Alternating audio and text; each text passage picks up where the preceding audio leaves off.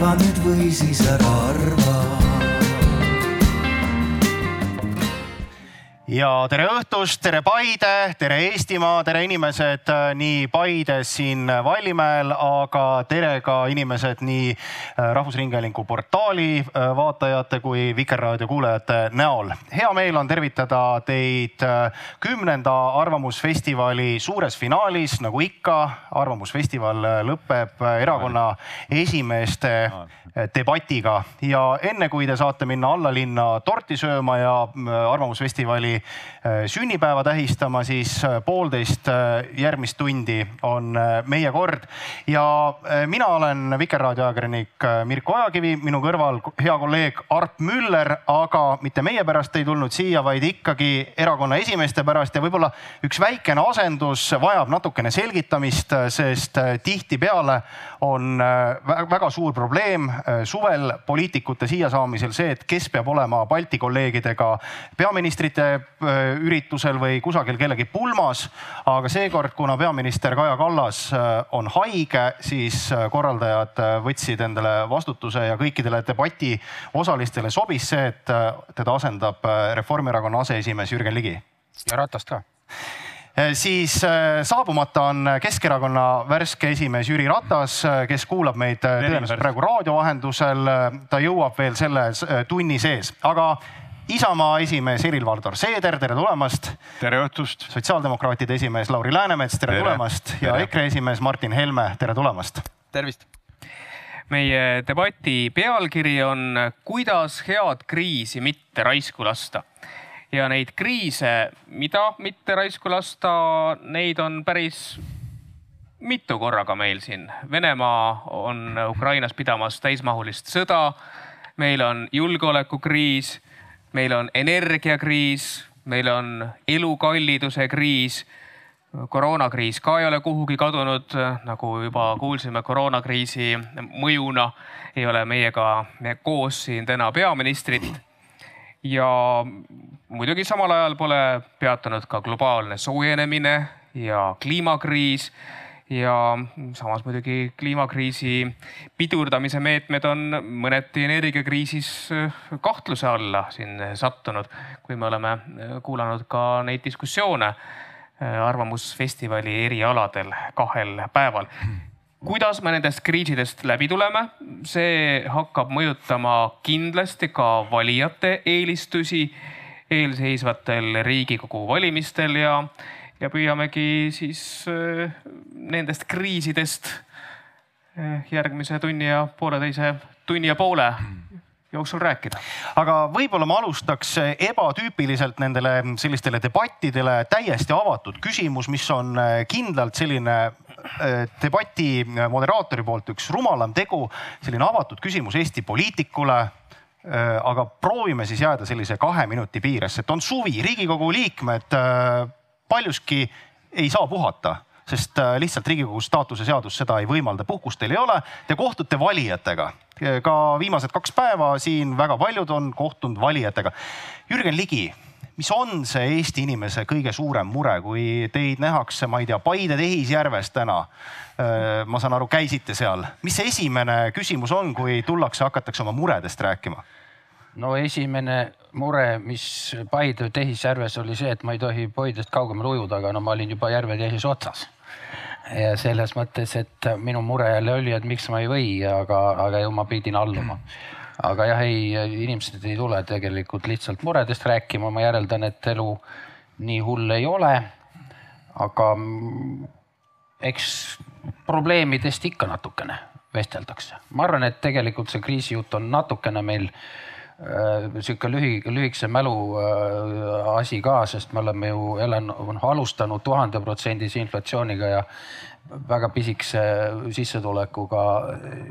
me kõik, ma arvan, enam-vähem ja, ja, ja ka julgeolekuolukord on selles mõttes ju tegelikult lihtsam, et liitlased on äh, meil ühtsemad kui kunagi varem venelased äh, peksa saanud kõvemini kui iialgi vanem, varem ja, ja ka tervisenäitajad vaatamata koroonale nii hullud ei ole, et me peaks, aga, aga eks ta üks kobarkäkk ole, selles mõttes on õige jah nii, aga proovime teisest äärest. Martin Helme, kui poliitikule tulevad inimesed tänaval vastu, haaravad nii-öelda käisest kinni, mida küsivad, millest räägivad, kas muretsevad näiteks elurikkuse kadumise pärast või, või äh, kliima soojenemise pärast, mis need, mis need teemad on? esimene küsimus, mis minult küsitakse, on Martin, millal raadiosaade Räägime asjast hakkab? homme on eetris. nüüd ähm, järgmine teema on loomulikult toimetulek. inimesed on täielikus ahastuses, inimesed saavad suurepäraselt aru, et äh, meil on, seisab ees talv, kus tuleb valida sooja ja söögi vahel, sest sõidud on juba ära jäetud ja, ja, ja, ja see on tegelikult päris mure, et see, et noh, mõned meil ei saa sellest aru, on on muidugi selle mure nagu üks osa või üks põhjus, aga see on tegelikult päris suur mure. Ja teine väga suur mure on inimestel on tegelikult väga suur hirm noh, ütleme siis laias laastus julgeoleku pärast ehk siis hirm selle ees, et ega ometi sõda meile ei jõua. ja noh, me ei pruugi seda suuta või saada kontrollida, aga, aga vähemalt me peaksime olema kõik endast oleneva teinud, et et olla siis vähemalt valmis selleks ja noh, minu meelest me ei ole seda teinud, meie valitsused ei ole seda teinud. Helir-Valdor Seeder, milles siis praegu vestlused valijatega algavad ja lõpevad? ma arvan, et meie vastused on suhteliselt sarnased. käisite ka ujumas? Kuidas? ei, mina äh, ujulas ei käinud ja ma Poidest kaugemale ka ei äh, ujunud, aga mina tulin praegu Ida-Virumaalt äh, Isamaa suvepäevadelt, mis jätkuvad, nii et ma vaatan, kui pikalt siin läheb. võib-olla lähen tagasi veel aga muredest rääkides jah, inflatsioon, kõrged hinnad, energiatemaatika ja julgeoleku teemad ja ma arvan, et need mured ja teemapüstitused on väga põhjendatud ja meil ei ole põhjust kergekäeliselt nendesse suhtuda, ka julgeoleku küsimustesse, vaatamata sellega, sellele, et tõepoolest me kuulume noh, ajaloo ilmselt kõige võimekamasse, tugevamasse allianssi ehk äh, kaitseühendusse, NATO-sse ja meil on liitlased, aga põhjust muretsemiseks on rohkem kui küllaga, sellepärast et julgeolekukriis sellisel kujul meie piiride lähedal noh, nii tõsine ei ole olnud ja kui me siin võrdleme teise maailmasõjaga, siis tänapäeva tulejõud ja sõjatehnika on hoopis midagi muud ja hävitab palju hullemini ja kiiremini kui teise maailmasõja ajal ja aitäh. Lauri Läänemets, kui sotsi juurde tuleb inimene tänaval või ka valija, siis kas need küsimused erinevad mingil moel sellest, kui valija läheb ähm, Martin Helme ehk siis konservatiivi juurde? Üldjuhul ma arvan, ei erine, et aga ma saan aru, et minuga seoses küsitakse erinevate sõjamasinate kohta praegu, et ma pole sellest nagu pääsenud. aga põhimõtteliselt on eh, peamine küsimus on jah kindlustunde kohta, et kuidas me sellest talvest läbi läheme. Eh, see on nagu üks, ma pean kiitma neid inimesi, viimasel ajal ei küsita mitte talve kohta, vaid küsitakse, aga mis viie aasta pärast saab, sest me tihtilugu räägime ainult sellest energia mõttes ainult, et kuidas me selle talve üle elame, aga tegelikult eh, me peame ka viie aasta pärast need talved üle elama. ja teine pool, ma pean jälle inimesi kiitma väga palju, et siin ka festivalil on kriisidest palju räägitud. inimesed tulevad juurde ütlevad, et aga mis minu roll on, mida mina saan teha, et, et kuidas mina sellesse panustan, et ma arvan, et see on selline eh, väga õige suund ja, ja, ja, ja teema, millega kindlasti peab edasi minema, et, et mitte ainult riik ja riigi struktuurid ja riigiasutused ja kaitsejõud, vaid ka lõpuks kriisidest edukalt äh, läbitulemine, noh, kui me räägime julgeoleku poolest, äh, siis äh, see on kõigi meie endi kätes ka. üks asi on väga hästi läinud. mulle tundub, et meie ootused tänasele debatile on samasugused nagu Eesti inimestel, sest need teemad, mida teie siia lauda tõite, me oleme ka märksõnadena need endale kirja pannud, aga kui selle Narva tanki juurde tulla. minu meelest sõna tank ei kõlanud ju ühegi La. Läänemets siiski rääkis. sõjamasin. üks sõjamasin. miks te nimetate seda nagu ütleme hallivatimeheks, mitte ikka tanki ei nimeta tankiks? tank punamonument, tank okupantide monument. ei no aus vastus ongi see, et ma olengi sellest pidanud kõige, kõigis juttudes nagu alustama kahjuks, aga, aga tõesti, ta on, see on see konkreetne tank on see, millega Eesti kunagi okupeeriti, et selles mõttes ta on tapamasin jah. aga ma küsin ikkagi selle debati ainsa kriitilise küsimuse ka ära, et miks see tank siiamaani on seal, kus see on? mina võin vastata, et äh, Eestis ja demok-, demokraatias on niimoodi, et valitsus teeb ühiselt otsuseid. mina kui siseminister oleks neid otsuseid teinud, võib-olla need asjad oleks juba täna teistmoodi. ma arvan, et ühel hetkel ja me kõik näeme seda hetke ja, ja see ei pruugi väga kaugel olla. see saab ka niimoodi olema, nii nagu ma need ettepanekud valitsusele teinud olen. et riiki juhib tegelikult Katri Raik. ma ütlen niimoodi, et väga hea, et Narva linnavolikogu pärast minu ja pärast peaministri külaskäiku lõppkokkuvõttes on jõudnud samale seisukohale, et see tank sealt peab minema. aga kui arvestada siseturvalist julgeolekut, siis ma arvan, see tank ei pea sõitma linna äärest linna keskele, vaid tegelikult äh, selle tanki asukoht on õiges kontekstis, ajaloolises kontekstis jõuame seda veel ka arutada. EKRE aseesimees Mart Helme ütles esmaspäeval Vikerraadios, et praegu enam pole see õige momentum Narva tanki äraviimiseks. Martin Helme käest siis küsin, millal siis oli see õige momentum ja miks ei viidud seda tanki ära, kui siseministri portfell oli EKRE käes? Ja no selle tanki teemal minu meelest on mitu küsimust, mida tuleks äh, tegelikult äh, üritada aru saada, sest et äh, minule tundub, et meil käib siin noh, väga tõsine selline avalikkuse lollitamine ka.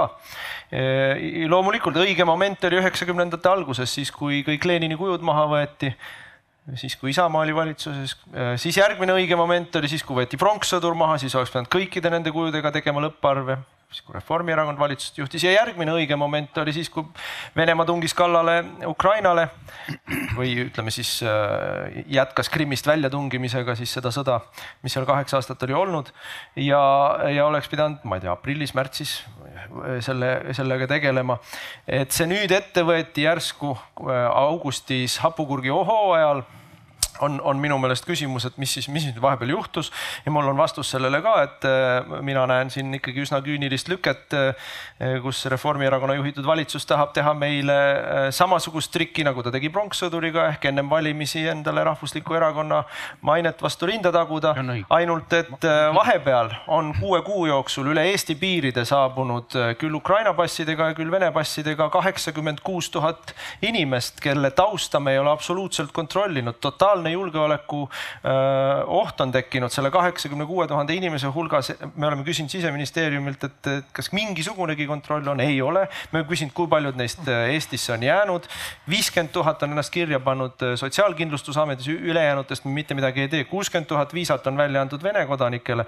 nii et meil on nagu väga tõsised, väga tõsised nagu riskid tekkinud juurde, et mina aru ei saa, miks praegu hakati selle hankiga tegelema. aga klaarime siis Jürgen Ligi selle asja ära, et et äh, kas äh, Martini etteheited vastavad tõele, et äh, valitsus tahtis siis punkte noppida ja praegu siis põhimõtteliselt Narva linnavõim kaaperdas Kallaselt, Kaja Kallaselt ja Urmas Reinsalult siis suure sellise töövõidu ära, nagu kunagi Ansip pronkssõduri teisaldamisega sai? loomulikult, ega noh, kui Martin ütleb, siis nii on, me tegelikult alustasime, alustasime ju sellest et, et kahekümne neljandal veebruaril me noh, viisime tankid Ukrainasse kenasti sisse siis kahe tuhande kuuendal aastal me hakkasime koolilapsi sinna vedama, panime viinapudelid kaasa inimestele ja tehti seal, no mis pronkssõdurit puutub, eks ole.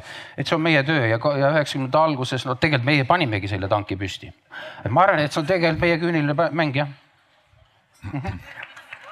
aga ikkagi see tunne, et kas Katri Raik pani nii-öelda koti pähe? Katri, ma mõtlen nüüd seda rolli.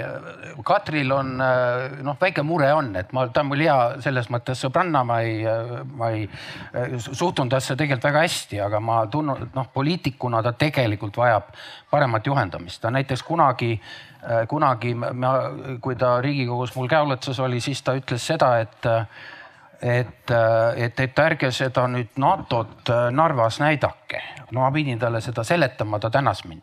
aga praegu ta on lihtsalt selles mõttes nagu üksi seal, et, et, et inimesel ongi väga raske Narva keskkonnas tajuda, mis on, mis on Eesti ühiskonna laiem, laiem taotlus ja ta on kogu aeg surve all, et noh ma, ma tunnen talle natukene kaasa, aga no kus, mis, mis nagu kehvalt, ma ei taha küll Laurile kuidagi halvasti öeldagi, mis vähel välja, halvasti välja kukkus.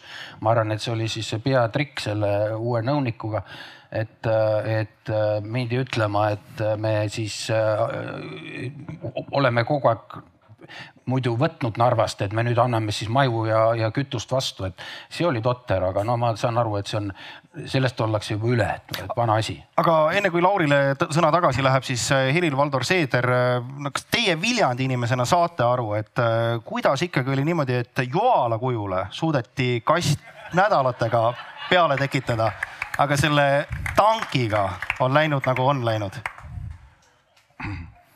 jah, no Narvas toimus ka joolalahing. aga nüüd äh, see, mis puudutab äh, Narva tanki, siis äh, ma olen nõus sellega, et oleks olnud mõistlik juba ammu see eemaldada sealt. ükskõik, kes siis valitsuses oli, mina mäletan ikkagi, et EKRE on ka valitsuses olnud ja ja siis oleks ka olnud mõistlik aeg veel seda varasemat viga parandada, et teda ei ole ära viidud. Teie ei lasknud. aga nüüd äh, ma arvan, et mida kiiremini see tank sealt ära viiakse, seda parem, see eskaleerib ainult pingeid. ükskõik, äh, mis need erinevad põhjused on ja neid põhjuseid on palju. ja kui räägitakse, et see puudutab Narva, puudutab narvakate identiteeti, et äh, on väga valus küsimus siis seda ideoloogilist identiteeti ongi vaja muuta ja tanki äraviimine on üks osa sellest ja seda ajaloo käsitlust seal ongi vaja muuta. see Narva tank lisaks okupatsioonisümbolile on ka Narva hävitamise sümbol, kes natukenegi Narva ajalugu teab ja teise maailmasõja ajal sakslased olid läinud, linnaelanikud olid läinud, linn oli tühi, aga ta pommitati puruks ja põrmuks ja lasti nende tankidega puruks ja põrmuks, nii et loomulikult tuleb see ära viia ja minu arvates on ääretult amoraalsed need jutud, mis puudutavad vorst vorsti vastu tehingut, et äh, Narva peab siis saama selle tanki äraviimise eest midagi. ja kui seda räägib valitsuse liige, siis see on täiesti lubamatu. nii et, et äh, ma loodan ka, et enam ei räägi peale seda, kui sina oled ta korrale kutsunud. Aga... Katriga said hakkama, saad teistega ka hakkama. aga samas Eesti Ekspressi juhtkiri oli äh, väga karmisõnaline sel nädalal. Joosep Tiks kirjutas, ma tsiteerin. Narvas tankiööga riskinud poliitik on mölakas. ta on inimene, kes valmistas ette pinnast mässuks. ta on valmis näitama jõudu ja seda selleks, et nuiaga vastu pead saanud venelaste eest eestlastelt valimistel hääli saada. tsitaadi lõpp. kuidas Tiksile vastata? Noh, me võime kõike ju keerata populismiks ja öelda, et ühte või teist tehakse ikka häälte nimel, et äh, ei, kõike ei tehta häälte nimel ja mida varem me ära viime, seda kaugemal on see aeg võrreldes kohalike või nende Riigikogu valimistega, nii et äh, jah, just praegu on õige aeg. nii ja Läänemets, äh, lubasin sõna teile anda, et ja. saaksite ennast kaitsta. ma saan aru, Jürgen Ligi ja Helir-Valdor Seeder on võtnud teid oma lõugade vahele. mina enam ei ole, ma võtan tagasi juba. ja, aitäh et äh, eks seda oligi äh, arvata, et nüüd läheb lahti see debatt selles versioonis, et kes on kõige õigem eestlane, kes suudab äh, rohkem punamonumente hävitada ja, ja vasta rinda, rinda taguda. kõige, ei, kõige hullem, mis ma olen kartnud, on see, et lõpuks poliitikud keskenduvad sellesse, sellele, et, et millisesse muuseumisse tank peab minema ja siis kulutatakse sellele ka paar nädalat ära. et ma olen öelnud, et las eksperdid tegelevad sihukeste küsimustega, aga ma, ma selles mõttes äh, nende Jürgeni ja Heliri kriitika on õige, et ma pole mõelnud seda vorst vorsti vastu, et no noore nagu ministrina võib-olla kukkus kehvasti välja, aga mõte seal taga, jah, aga mõte seal taga on väga õige, sest kui me eskaleerime, siis me peame deeskaleerima ka. Ja meie Eesti riigi ja Eesti valitsuse huvides peab olema lõpuks see, et Narva nii-öelda on Eestiga ja, ja, ja, ja, ja selles nagu Eesti suunas liigub, et lõppkokkuvõttes on tegemist Euroopa Liidu jaoks ka nagu suure piirilinnaga ja meil on seda Narvat vaja. me mentaalses mõttes ei tohi seda Narvat ära kaotada nagu, et no,, et, et see on ka Eesti jaoks oluline. see Arvamusfestivali debatt on väga tänuväärne selles mõttes, et äh, reaalselt on võimalik ka publikut testida, meil ei ole neid moodsaid äh, keskkondi ja siin äh, kuhugi ei pea helistama. meil on tanki teemal kaks lihtsat küsimust. see esimene küsimus, andke käega märku, et kas Narva tanki peaks teisaldama et kes arvab, et jah, et Narva tanki peaks teisaldama, tõstke palun käsi. ja tõusis käte meri. Eh, igaks juhuks teeks kontrollhääletuse ka, et eh, kes arvab, et ei pea teisaldama tõsta teine käsi. ühte kätt no, nägin. võiks öelda, et mõni, mõni, mõni üksikkäsi käsi, mõni käsi tõusis. on aga, selle poolt, et ei peaks. aga püüame täpsustada, kas selle tanki peaks teisaldama kohalik omavalitsus, kas selle peaks teisaldama Narva linn, Katri Raik, tõstke, tõstke käsi nii, ainult ma näen ühte-kahte kätt. nii jah, umbes kolm-neli, see on siis omavalitsuse. aga kas selle tanki peaks teisaldama riik? Neid käsi on palju rohkem. valdav enamus lausa kätemeri. no selge, esmaspäeval kutsume valitsuse kokku ja arutame. miks te ootate esmaspäevani? rahva tahe. täna me oleme siin, täna me oleme siin. küsime teie käest, et kus teie näete seda vahet, et mis erinevus on, kas tanki teisaldab Katri Raik kuhugi Narva laohoonesse või Kaja Kallas Viimsi sõjamuuseumi? Martin Helme. Martin Helme, mis vahe seal on? No vahe on selles loomulikult, et oleneb, mis see, mis see propaganda eesmärk on saavutada, et kui valitsus tahab teha ära ja, ja kardab, et sealt läheb jamaks, siis ta üritab selle lükata kohaliku omavalitsuse kaela ja ütelda, et tehke teie, siis olete teie sellega tegelenud. kui valitsus tahab seda vastu rinda tagudes suure rahvusliku võiduna näidata ennem valimisi, siis ta loomulikult võtab selle töö enda peale, et ega nii ta ongi, see, see vahe on. muidugi me kõik saame aru, et Narva on keeruline koht. noh, põhimõtteliselt kaks protsenti linna elanikkonnast noh, räägivad eesti keelt emakeelena ja, ja, ja noh, kogu see mentaliteedi teema on tegelikult väga suur teema, et see on üks põhjus, miks ma nagu ülimalt ärritusin kogu selle jutu peale, et kui me midagi Narvast ära võtame, siis me peame vastu andma, et noh, need ei ole lihtsalt võrreldavad kategooriad, et, et üks asi on rääkida regionaalpoliitikast, et et haiglat on vaja nii Narvale kui Võrule kui, kui, kui kõigile teistele väiksematele piirkondadele, eks ole, ja, ja sooja hinnaga on kõik hädas. aga rahvuslikud, riiklikud äh, identiteedi küsimus on nagu hoopis teine kategooria.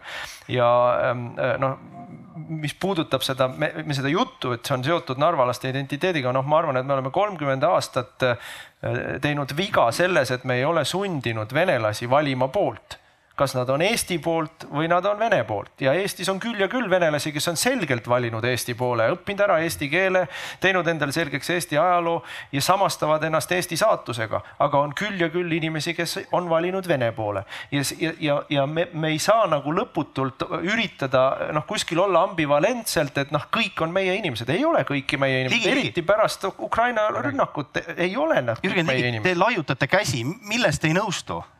Küsimus oli hoopis teine ju.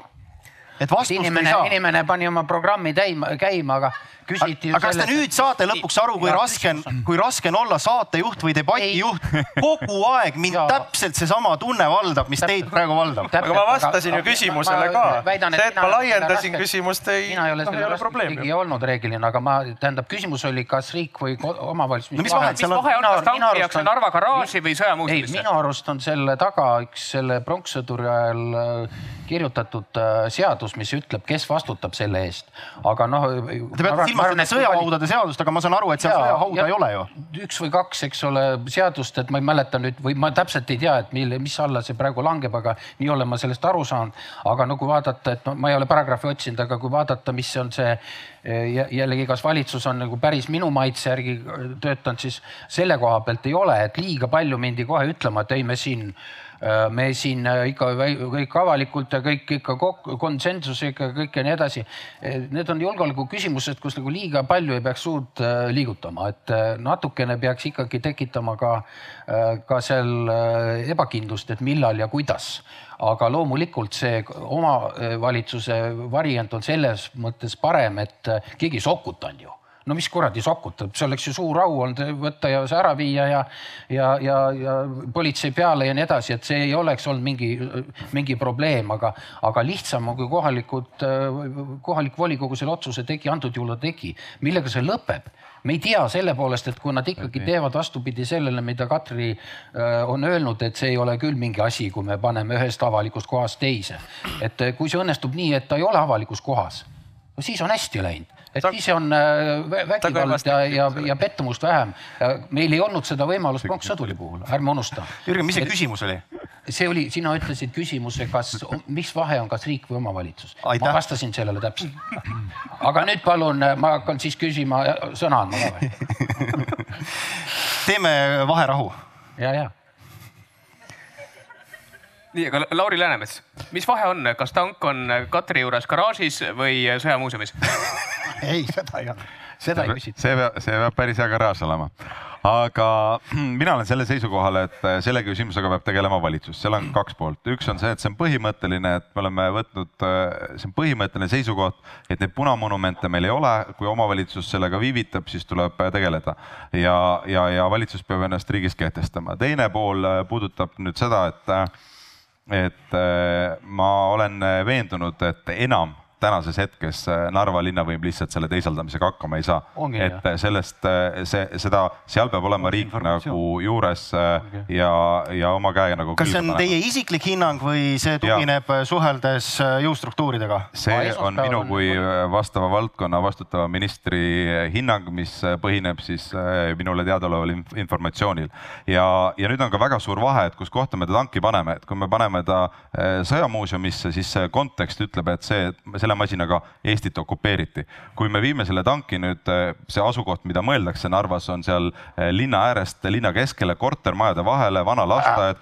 paneme sinna, toome sinna teised eh, punamonumendid veel juurde, siis me ja siis teeme muuseumi. me ehitame muuseumi ümber tanki see on väga vale loogika, seal tuleb väga vale kontekst, see sõnum, ma ei tea, sinna kujuneb selleks mekaks ja kui me mõtleme nüüd selle sisejulgeoleku ja siseturvalisuse peale, siis selle küsimusega hiljem tegeleda, ta ei lahene ära, ta läheb veel hullemaks ja keerulisemaks. ehk siis äh, väga selgelt valitsus, äh, meil on olemas eksperdid, komisjonid, kes teavad, milline muuseum selleks kõige parem on, teeme selle ära siis me oleme nõus, kui uus info. aga Seeder, et äh, kas äh, teie saate aru, et kui nüüd äh, minna nagu seda teed, mida praegu linna, Narva linnavõim on välja pakkunud, et nad ise proovivad ja püüavad, kui hakkama ei saa, siis kutsutakse riik appi, et mis see hetk on, mil riik ikkagi peab sekkuma, mille enam ei saa vaada, pealt vaadata, sest ma saan aru, et Läänemets tajub, et see hetk on peatselt käes no minu jaoks on siin nüüd äh, uut informatsiooni päris palju, nii et väga hea, tasub osaleda sellisel väitlusel, et Katri Raik on kinnitanud, et äh, Narva linnal on soov, tahet ja võimekust äh, see ära viia.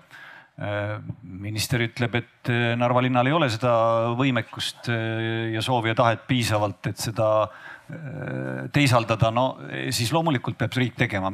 mina arvan, et mida kiiremini ja mida valutumalt see tank sealt ära saab, seda parem kui selleks on võimeline kohalik omavalitsus, siis võib seda ka kohalik omavalitsus teha, aga siis on küsimus, mis sellest tankist saab. ja Arp, sa esitasid suletud küsimuse, et kumb on parem, kas tank on muuseumis või tank on laos no ei ole vaja sellist suletud küsimust, jätame ikka asja avatuks. see tank võib minna ka vanametalliks ja see probleem on lahendatud ja minu arvates õige koht ongi see nimelt vanametalliks ja, ja see tank ei oma mitte mingisugust ei, ei kunstilist ega muud väärtust. ta on üks mulaaž seal rauakolakas ja, ja ma ei kujuta ette, et tal muuseumis mingisugust erilist väärtust oleks ja kujundada selle ümber veel nüüd museaali ja museaalset väärtust, ma arvan, et sellel ei ole mingit mõtet, nii et äh, õige koht on selleks ikkagi äh, vanarauaks asi ei ole ju tankis, tank on tagajärg, mida siin ka debateerijad on äh, juba ka öelnud ja mõista andnud. probleemi olemus on ikkagi see, et Narvas on palju inimesi, kes arvavad, et Eesti vabatahtlikult astus tuhat üheksasada nelikümmend Nõukogude Liitu ja tuhat üheksasada nelikümmend neli Eestit ei okupeeritud, vaid vabastati. ise olen telekaamera ees näinud ka inimene narvakas, umbes minu vanune, neljakümnendates tundub, et ilmselt on ka gümnaasiumi lõpetanud ikkagi juba Eesti Vabariigi tingimustes, aga räägib, et sellist juttu, et Eestit ei okupeeritud, vaid Eesti astus vabatahtlikult Nõukogude Liitu. et ähm, kas on võimalik, et meil ja narvakatel saab üldse olla ühist ja õnnelikku tulevikku, kui meil puudub võime kokku leppida minevikus? Ei, aga siin ei ole vaja kokku leppida midagi. jah. siin ei ole midagi kokku leppida. meie, see on meie riik ja see on meie ajalugu ja see on meie tõde ja, ja nii on lihtsalt, et noh, me ei pea kokku leppima nende inimestega ka, kes elavad teisel pool jõge, sellepärast et neil on oma riik ja neil on oma ajaloo narratiiv ja, ja, ja nii on. aga need, kes Eestis on, need peavad aktsepteerima seda, mis on Eesti ja Eesti Eesti identiteet, Eesti ajaloo käsitlus on selline, nii et ja kellele see ei sobi ma ütlen veelkord, et kolmkümmend aastat on olnud aega valida ja väga paljud on valinud Eesti poole, aga kes ei ole valinud, siis nad ei pea arvama, et neil on tulevikku Eestis üldse olla. Nii, Läänemets, mis nende narvakatega siis teha, kes äh, tõesti leiavad, et see tank sümboliseerib neile seda, mis minevikus on olnud neile kallis. selles mõttes on Martinil õigus, et äh, mingisugune töö on jäänud tegemata. see, et see, see, et see selline vaade seal paljudel inimestel on, seda ma saan aru, et seda vaadet on äh, taastoodetud, seda vaadet on lasteaedades toodetud, koolides toodetud, on ju. ja see on see, see koht, äh, mis nii-öelda tuleb nagu ära muuta, on ju, aga seda ei muuda ainult karmi käega, et sa lähed, annad seal pepu peale laksu. et see noh, see, seda peab süsteemselt tegema, et äh, tihti nagu Eestis äh, ajalugu on näidanud, et kogu seda integratsiooni panustamist on alahinnatud ja halvustatakse, onju. aga lõppkokkuvõttes, kui me nüüd selle tankiga räägime, selle Narva nii-öelda Eestile tagasitoomisest äh, räägime, siis ühel hetkel kultuuriminister toob ka valitsuse laua peale need ettepanekud, et kuidas me seda siis teeme. et rohkem eesti keele õpet, rohkem eesti kultuuri, nende inim-, inimeste sidumist, nendega suhtlemist, nendega rääkimist. see, et äh, ainult nagu kurjustada ja, ja, ja kõva kätt näidata, ega, ega see nii-öelda mõtlemist ei muuda. Seeder, lugesin president Karis nädala eest kirjutas, et ma tsiteerin, mulle meeldib lootusrikas ütlemine, et Eestis võib kogukondadel olla erinev minevik, kuid on ühine tulevik. et kuidas tsitaadi lõpp, et kuidas teie aru saate, et kas president on natuke naiivne? no president tahab olla kogu rahva president aga ma arvan, et ega meil ei õnnestu niivõrd suurte vastuolude oludes olla inimene või institutsioon, kes või mis kõigile meeldib. et paratamatult sa pead tõde rääkides ka kellelegi haiget tegema. ja tanki äraviimine Narvast on üks samm selle ühise identiteedi suunas, ühise ajaloo käsitluse suunas ja laiemas mõttes kõik need äh, ideoloogilised punamonumendid, nende äraviimine, need tegelikult igapäevaselt kultiveerivad sedasama vale ajaloo käsitlust, sedasama vale, vale ideoloogiat ja, ja tegelikult vastandavad kahte erinevat ajaloo käsitlust Eesti ajaloo kohta. nii et äh, kõigi nendega tuleb tegeleda niivõrd kiiresti ja ma olen nõus kõigi eelkõnelejatega, ma arvan, me kõik oleme nõus, et loomulikult äh, oleks enamus neist pidanud juba tänaseks olema kadunud, aga erinevatel põhjustel see nii ei ole ja meil ei ole mõtet siin nüüd äh, hakata otsima süüdlasi. mõtet on täna edasi minna ja ma tõlgendan seda presidendi äh, välja öeldud niimoodi, et kõik monumendid tuleb ära viia, et ühtne ajaloo käsitlusele teha tee puhtaks. nii ja Jürgen võtab selle ploki kokku. no tõde on selles, et muidugi ei ole see kokkuleppimise koht et äh, loomulikult äh, meie tõde peab selle koha pealt kehtima ja, ja see on ka teaduse, äh, teadusele toetuv ähm, tõde, aga ma, ma Martiniga veel sellepärast ei nõustu, sest kui ma kui ta oleks kuidagi järjepidev, et ma olen siiani kuulnud selliseid fraase, et kuidas venelased pole rahvus, vaid tsivilisatsioon, et, et ma pigem ütleks, et ei, nad on ikka pigem barbaarsus kui tsivilisatsioon. Ja, ja, ja seda vähem me saame nende ajaloo käsitlust, mis, mis siis seisneb selles, et me võime võõrast asja võtta, et seda aktsepteerida. ei, vajadusel jah, mina ei teadnud, et siin äraviimisega on tekkinud vahepeal probleemid, et sel juhul palun väga aga, peale, suur au. aga väga hea, tõmbame pildi laiemaks, sest kahtlemata tank Äh, võib äh, osutuda järgmistel äh, nädalatel sündmuseks, millest räägitakse veel rohkem, aga Ukraina sõda, Venemaa kallaletung vabale Ukrainale, see on teema, mis on julgeoleku nii-öelda ploki tõstnud kõikide uudiste tippu. püüame siis selles plokis kaardistada, kui kaitstud on tänalise, tänases keerulises olukorras Eesti ja mida me peaksime siis riigina tegema, et Äh, Venemaa võimalikule agressioonile vastu seista, kuidas seda ohtu vähendada? peaminister Kaja Kallas äh, rääkis NATO Madriidi tippkohtumise eel Financial Timesile, et NATO praeguse kaitseplaani kohaselt võib Eesti riik Venemaa rünnaku korral täielikult hävida, kuna on arvestatud, et Balti riigid võivad Venemaa okupatsiooni alla jääda saja kaheksakümneks päevaks.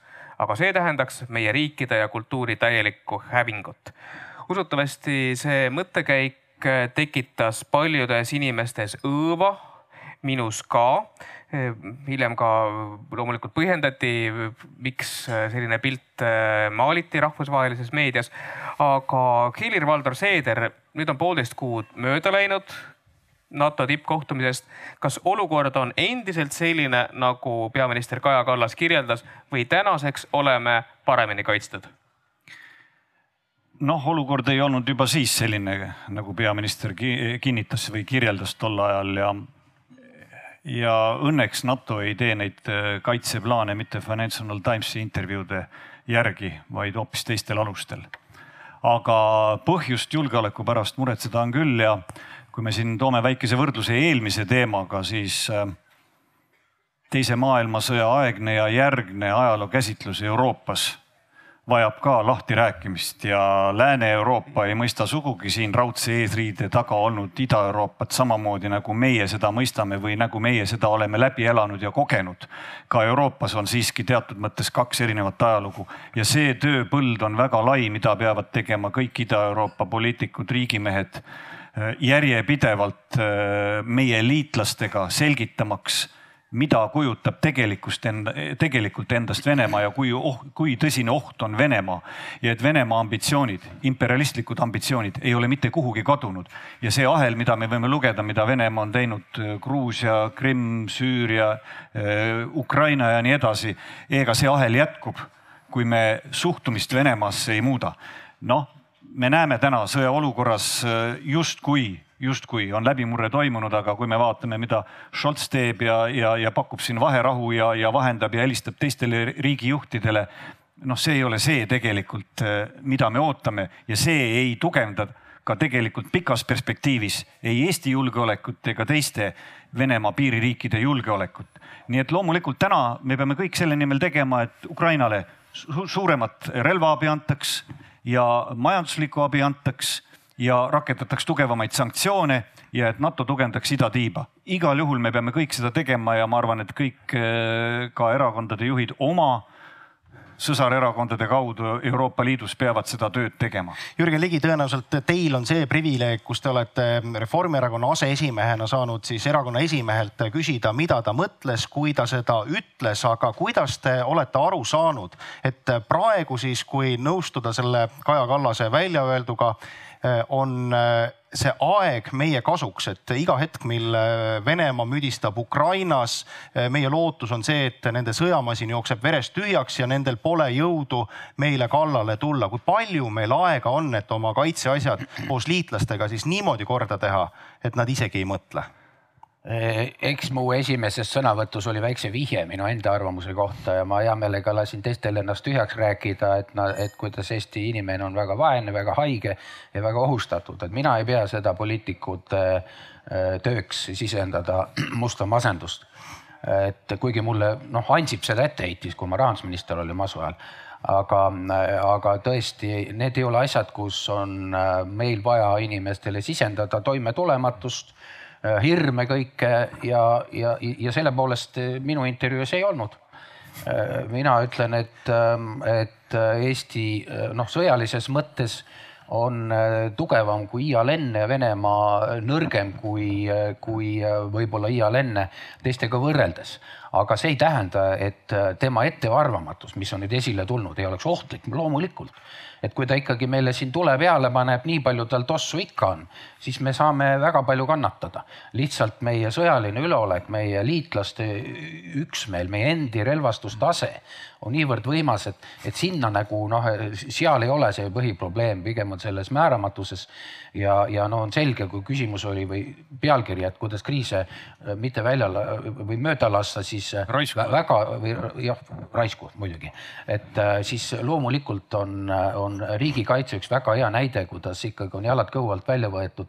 meil seda tegelikult seda probleemi nii väga ei olnud, eks ole, me isegi Ukrainale läksime appi, et me oleme oma, oma kohustusi nagu teised teistest paremini kollektiivseid kohustusi täitnud ja, ja, ja, ja meil on neid torusid ka üks, üksjagu siiski meie, meie selle väiksuse kohta. aga, äh, aga loomulikult see kriis äh, tuleb kasuks kogu alliansi kaitsevõimele väga tugevasti ja väga palju õnneks kahjuks Venemaa ründamisvõimalusele.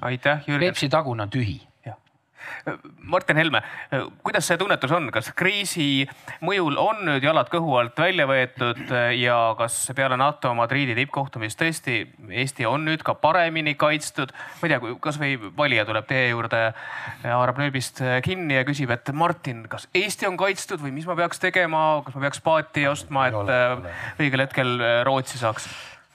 Ehm, no Jürgen räägib, et Reformierakond ei tema arvates ei peaks inimestele sisendama musta masendust. no muidugi ei pea, Reformierakond põhjustab inimestele musta masendust no, oma valitsemisega. Ja ma pean ütlema, et äh, ma olen Kaja Kallase äh, poliitika suhtes, kaasa arvatud Reformierakonna julgeolekupoliitika suhtes noh, noh piiritult kriitiline, kaasa arvatud Jürgen Ligi ajast, kui ta oli äh, siis kaitseminister ja Jürgen muide ennem rääkis, kuidas ei, ei leidnud, tähendab Raik räägib, et ei tohi Narvas liiga palju rääkida NATO-st, no aga sina ei leia isegi Riigikogu saalis nuppu üles, kui NATO üle hääletatakse Soome-Rootsi oh, puhul, eks ole, et, et eks te olete siin samasugused natukene.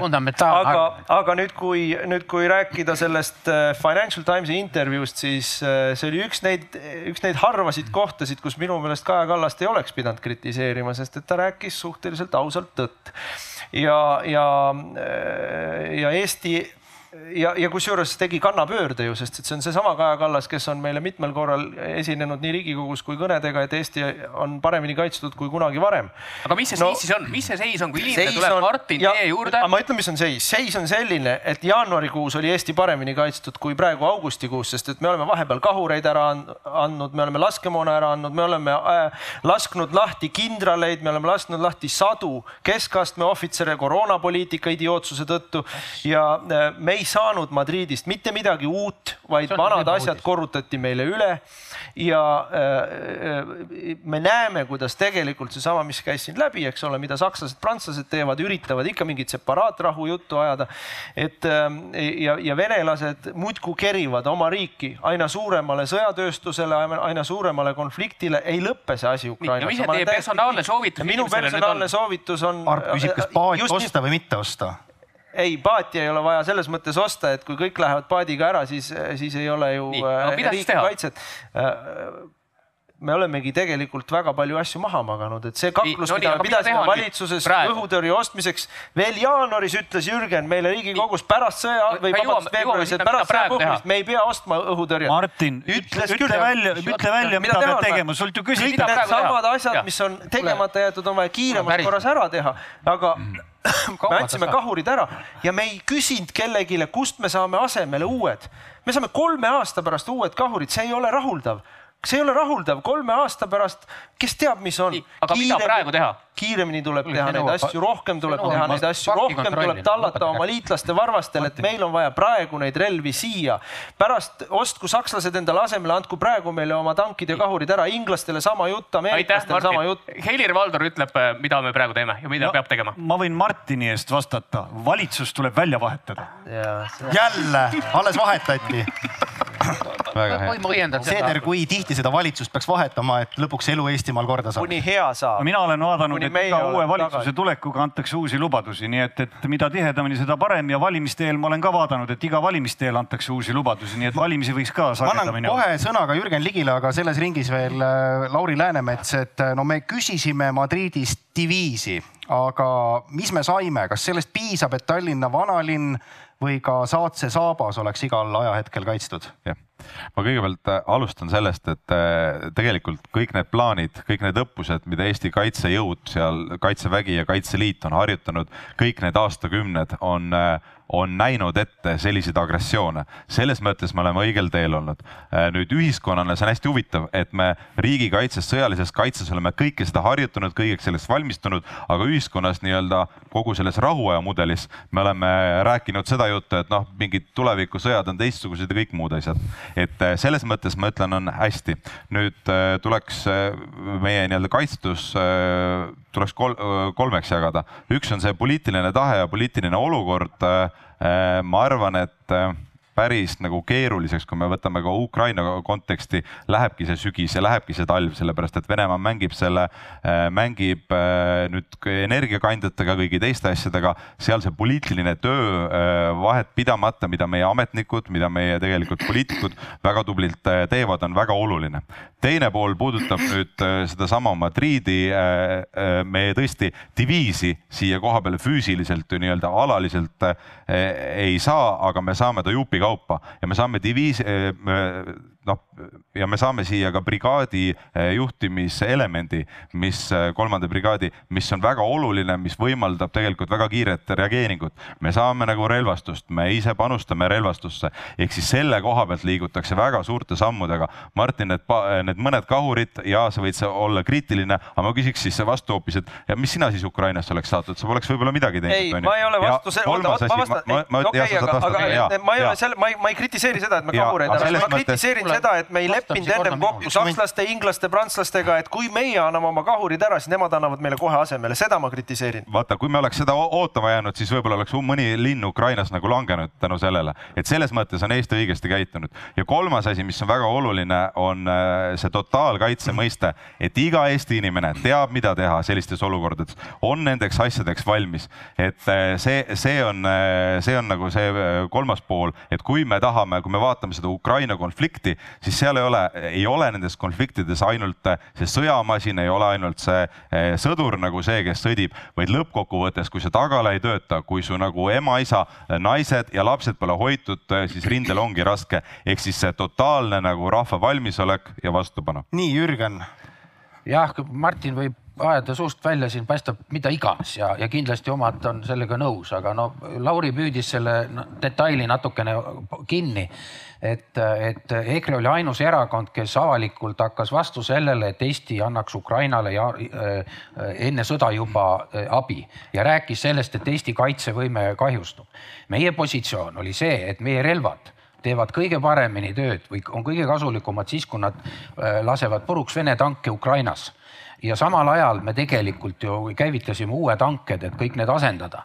Öelda, et me oleme praegu nõrgemad kui enne, see on naeruväärne, täiesti piinlik see on tõsi.. samamoodi on. Meil on vähem relvi, kui oli samamoodi on ja aga need hanked võtavad, samamoodi ei vasta tõele see, et, et, et, et mina ütlesin, et me ei pea ostma õhutõrjet, et tuleb kohe, sinu arvates tuleb hankida. selles ju kogu asi ongi, et keskmaa õhutõrje hange võtab aega kolm aastat, see ei seisa kuskil piiri taga, et ta kohale võtta, see oli minu jutt.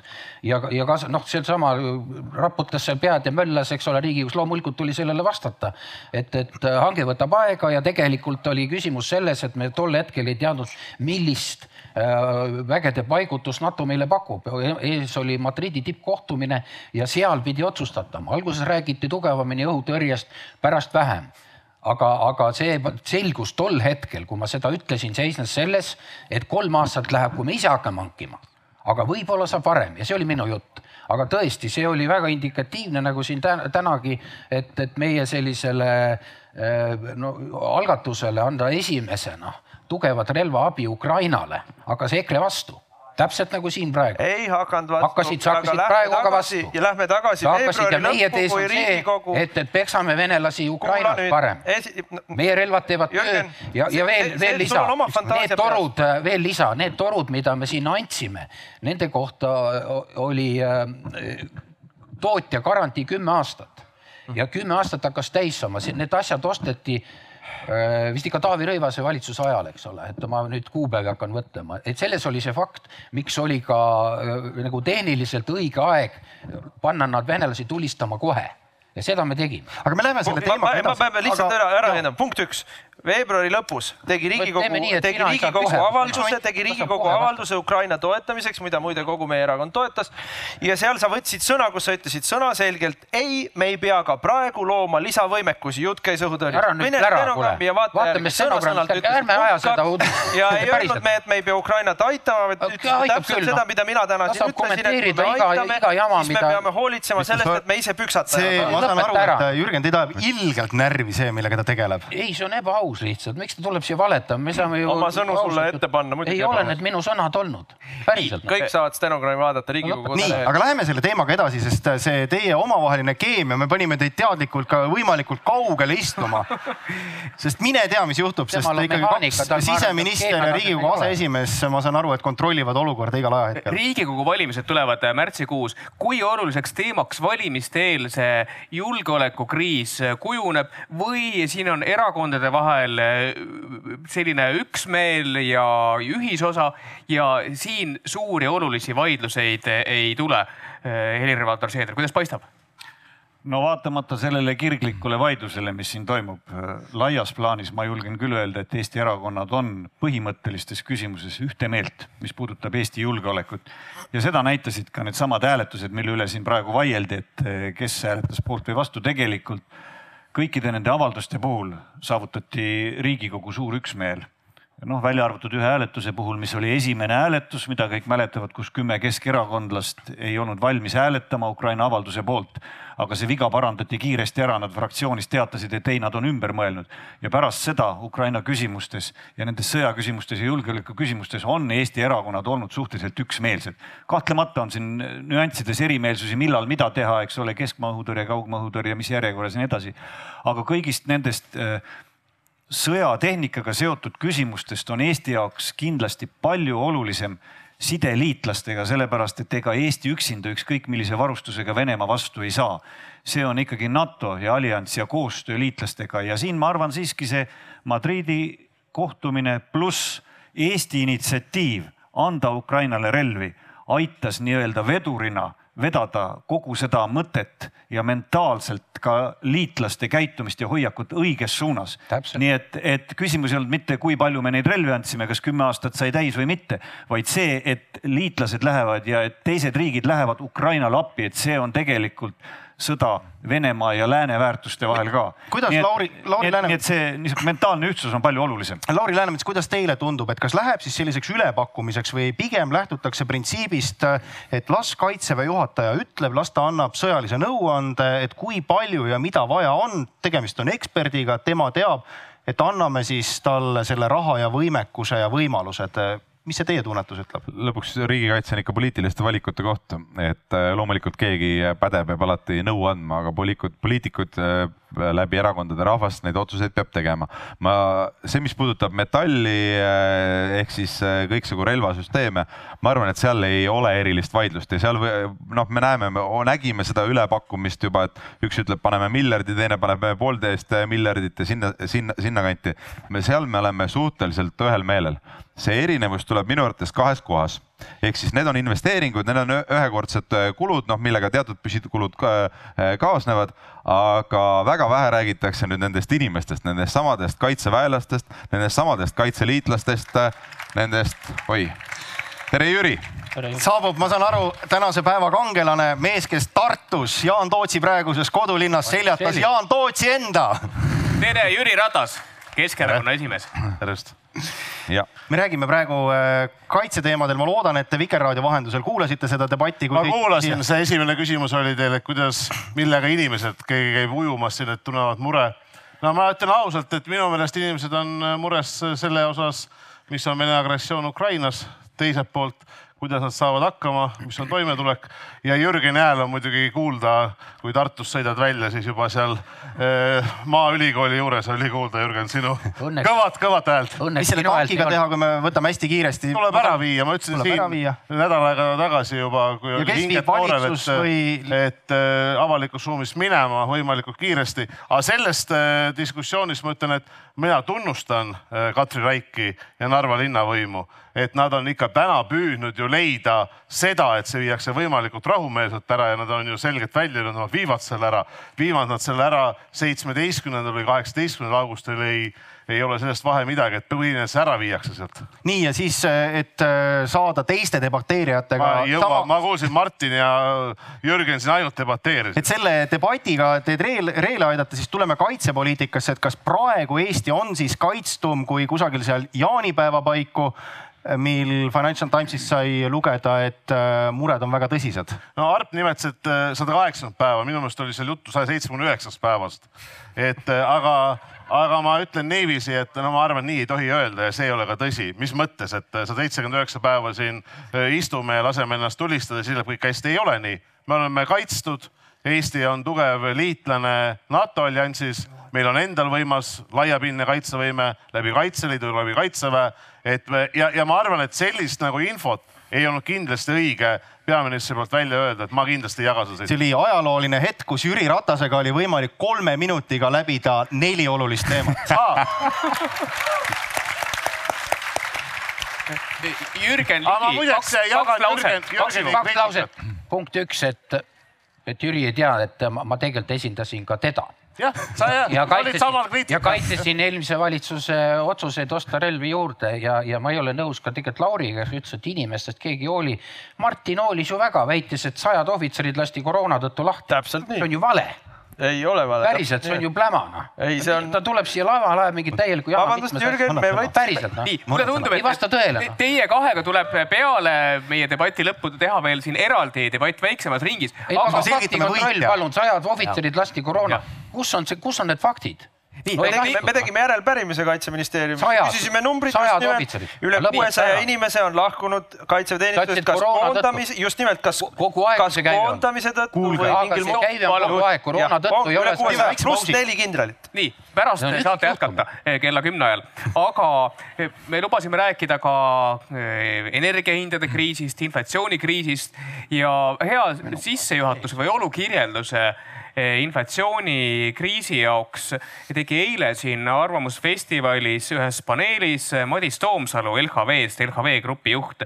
Ja ta tõi eh, rahva ette LHV Panga arvutused, mille kohaselt hinnatõusud järgmisel aastal viivad Eesti inimeste rahakotist nelisada miljonit elektriarvetega, kolmsada miljonit toiduga, nelisada miljonit kodude kütmisega ja pluss sada miljonit veel tõusvad laenuintressid. kokku üks koma kaks miljardit peavad Eesti inimesed järgmisel aastal maksma rohkem nende teenuste eest kui sel aastal. Jüri Ratas, kui suure osa sellest ühest koma kahest miljardist riik peaks inimestele kompenseerima? kahesuunaliselt. kõigepealt tegema sotsiaalmajanduslikke toetusi ja universaalseid toetusi, nii nagu oli viimasel kütteperioodil meie eest vedada. küll oli madistamist Reformierakonnaga sellel teemal, ei saa teha universaalseid toetusi, ei saa. ja teine on see, et eh, langetada kasvõi, ma rõhutan, kasvõi ajutiselt eh, neid makse, mida teevad enamus Euroopa Liidu riigid käibemaks, aktsiisid kütuse puhul, elektri puhul, ma arvan, et see on see kiire lahendus. aga suurusjärk ühest koma kahest, kas kümme protsenti, kakskümmend protsenti, viiskümmend protsenti hüvitada? või kõik. ja, ja austatud Arpe, ma tean teie põhjalikkust, kui te teete neid saateid, ma olen täna olnud Tartus, seal Mirko kodulinnas, ma ei ole jõudnud tõesti nii põhjalikult arvutada, aga ma arvan, mõlemast otsast me vajame, ühiskond vajab mõlemast otsast abi, nii toetuste osas kui maksude osas. Jürgen Ligi, mis on Reformierakonna plaan, mis on peaministripartei plaan? No Jüril ei ole millestki kahju loomulikult, aga minul on. ja mul on näiteks kahju sellest, et Jüri äh, hõiskas juba siin eelmine sügis, kui palju tema saab riigilt toetust. Ma arvan, see on ebaaus, et ta saab riigilt toetust. Ja selles mõttes on, et, et et, et nad ei madistanud meie, nad madistasid tegelikult ekspertiisiga. ekspertiis ütles seda, et need meetodid, mida nemad pakkusid, üks hetk tulid, et oh, maksame pool arvetest kinni, siis, et oh, käibemaksu kaotame ära, siis kaotame selle ja teise. Need kõik lähevad ühte serve. Jüri Ratasele noh, hea küll, meile siin äh, teistele poliitikutele ka ja, ja suurema sissetulekutega inimesele. eksperdid ütlevad, kulla inimesed, energiaprobleem on selles, et teda on vähe, hind on sellepärast kõrge. Ja kui te subsideerite defitsiiti, siis te saate suurema defitsiidi. Ja asi ei ole mitte niivõrd eelarvekuludes, vaid selles on loll poliitika. sa, sa soosid, sa teed kaubale subsiidiumi selle asemel, et tõepoolest äh, konstrueerida sotsiaaltoetused, tegelikult noh, mõlemad tehti, aga need lausalised toetused on need, mis võtavad ar- äh, selle raha ära, aga nad toimivad vales suunas, et Jüri Ratas saaks postitada, kui palju tema sai riigilt toetust. no lõpetage ära aga mis sa tahad öelda, et ja, ja tuleb- viimane ja, ja äsja võttis sel sõnal, ma ei tea, kui palju nüüd äh, IMF on kellegi jaoks äh, ekspert, aga noh, maailmavaates ta on. Tegi ka äsja avalduse, et riigid, analüüsi, et riigid, riikidel ei ole need kohustused jõukohased, ei saa kaupa subsideerida, tuleb hakata toetusi suunama nendele, kes on päriselt hädas, mitte meile. Nii, Lauri Läänemets, USA senat kiitis äsja heaks eh, demokraadist president Joe Bideni eestvõttel inflatsiooni vähendamise akti. selline suure pealkirjaga eelnõu oli. Lauri Läänemets, miks me ei ole kuulnud Eesti sotsiaaldemokraatidelt eh, kava inflatsiooni vähendamise paketi eh, esitamiseks? See on hästi kahju, et kolmkümmend kolm kõnet siin äh, Paides. täna mina rääkisin sellest, et äh, ma tean, et teil oli ilmselgelt midagi muud teha samal ajal, aga ma võin korrata, ma küll ei rääkinud inflatsiooni äh, vähendamise paketist mm. sellisel kujul, nagu see Ameerikas praegu on ja loogika Euroopal, Ameerikal on ka natukene erinev, on ju, et, et meie inflatsioon tuleb suurest, suuresti kogu sellest energiakriisist. aga me peame ühte asja aru saama, ma ei, Jüri Ratasega ei ole nõus siin, et jagame ainult toetuseid, selles mõttes toetused peavad olema tõesti tõesti seal äh, kannatavatele inimestele, aga, aga see ei ole lahendus, sest äh, hinnad on kalliks läinud hinnad enam odavamaks ei lähe, loota, et hinnad lähevad odavamaks ja, ja me siis niimoodi või noh, et, et me terve selle nüüd selle ülejäänud aja ainult toetuste peale inimesi paneme, on vale. tegelikult see, mis peab juhtuma, on palgad peavad inimestel tõusma. palgad peavad tõusma, et sa pead eriti veel ma madalama keskmise sissetulekuga inimeste palgad. et kui me vaatame sellesama IMF-i uuringut, millele Jürgen siin viitas, siis Eestis saavad oluliselt valusamini täna inflatsioonist pihta äh, madalama sissetulekuga inimesed kui mujal Euroopas ja see põhjus on see, et sundkulud on sinu sissetulekust oluliselt suuremad ja see lihtsamalt öeldes on see, et Eesti palgad lihtsalt on väiksed, see jõukus meil. ei ole palkades asi, see on aabitsa tõde lihtsalt. sõltumata palkadest. ei, ei ole, vaata, mujal Euroopas oleks. selleks on vaja uuringut teha. ei, Jürgen, mujal Euroopas oleks teistmoodi. ehk siis küsimus on ikka lõppkokkuvõttes selles, kuidas see, kuidas see jõukus jaguneb ja kus kohta see raha läheb. aga see, kus kohta me täna panustama peame, on inimeste töötasudesse, töötasudesse, palkadesse, sest hinnad odavamaks ei lähe ja me lõputult toetuste peale inimesi jätta ei saa. Helir-Valdor Seeder, kui ma vaatan neid pikki lahendusi, mida on siis pakutud ja tehtud selleks, et siis inimesi sellest energiavaesusest välja aidata, siis näiteks toetusi tuhandete eurode ulatuses päikesepaneelide paigaldamiseks on saanud enamasti just sellised kõrgema ja, ja, ja keskmisest kõrgema sissetulekuga inimesed, et millal riik jõuab, ütleme siis Lasnamäe või Narva inimesteni, et nad saaks kõigepealt oma kodu ära renoveerida, sest ma ei tea, kui te Narvas ringi käite või Lasnamäel ringi käite, ega seal väga palju renoveeritud maju ju ei ole. no see on kokkuleppe küsimus. jah, no need riiklikud programmid on olemas ja tõepoolest nad kahjuks kõigini ei jõua ühtemoodi ja, ja kõigini ilmselt ei jõua kunagi kahjuks. aga me jäämegi maksma aga, ju nende inimeste arveid. aga küsimus täna ei ole ju ainult ja ei olegi üldse eelkõige Narva või Lasnamäe majade renoveerimises, kui me vaatame, mis toimub siis see energia hind, mis täna on, ei ole jõukohane. Noh, peaaegu et mitte kellelegi ei ole jõukohane ka keskmise sissetulekuga inimesed, inimestele, ei ole jõukohane. Eesti ettevõtetele, meie majandusele konkurentsivõimeline, meie energia hind on, eks ole, ka Soome hinnast oluliselt kõrgem sageli, nagu me näeme ja me peame konkureerima siin ühisel turul. et küsimus ei ole üksikute maade renoveerimises ja ma mõnevõrra imestan, kui lihtsalt pakuti siin välja või, või vaieldi selle üle, et kas universaalsed toetused või sihitud toetused. noh, loomulikult teoreetiliselt me võime öelda, et eh, jagame vastavalt vajadusele, et peaksid olema ideaalis ainult sihitud toetused. aga kui see toob kaasa endaga kohutava bürokraatia ja kui me ei suuda tegelikult seda ka välja selgitada selles ajaraamistikus, mis praegu on, siis ei ole see lahendus, et me peame ikkagi kombineeritult lähenema tuleb teha ilmselt universaalseid lahendusi, mitte midagi ei ole parata praeguses keerulises olukorras, nii nagu Kaja Kallas ütleb, ikka sõjaolukorras, Jürgen, tuleb teha selliseid otsuseid, erakorralisi otsuseid langetada, tuleb ka teha sihituid toetusi ja samal ajal püüda mõelda sellele, kuidas ka struktuurselt probleeme lahendada natukene kaugemale vaatab praegune elektrituru reform, mis on kokku lepitud, mis hinnakujundust püüab siin lähiaastateks kujundada. Ja noh, siis loomulikult see, mis puudutab tootmisvõimsusi ja, ja ühendusi meie turul, et kõigi nendega tuleb tegeleda, aga need on juba strateegilisemad valikud ja otsused, mis on jäänud pikkade aastate jooksul tegemata, mida noh, vaevalt, et praegune valitsus kuue kuu jooksul teeb, aga mida me Eestis kindlasti peame tegema, see on küsimus põlevkivienergeetika tulevikust, see on küsimus aatomienergiast, see on küsimus paljudest muudest asjadest, aga need otsused otsused tuleb ka kindlasti Eestis langetada. Martin Helme, mis on äh, teie plaan, üks koma kaks miljardit äh, Eesti inimesed peaksid järgmisel aastal äh, rohkem maksma. kui palju sellest riigieelarvest inimestele kinni maksta, milliseid teisi lahendusi näete? Ja no Madis oli, Madis Tomsaal oli minu õpilane kakskümmend aastat tagasi, kui ma olin ajalooõpetaja. kui vana ta oli? väga nutikas poiss. mina, jälle ma olen muldvana jah. väga nutikas poiss ja ma arvan, aga ma arvan, et selle numbri puhul ta isegi alahindab ma vaatasin esimese kuue kuu maksulaekumisi Eestis, niisugune kerge hobi on mul jäänud.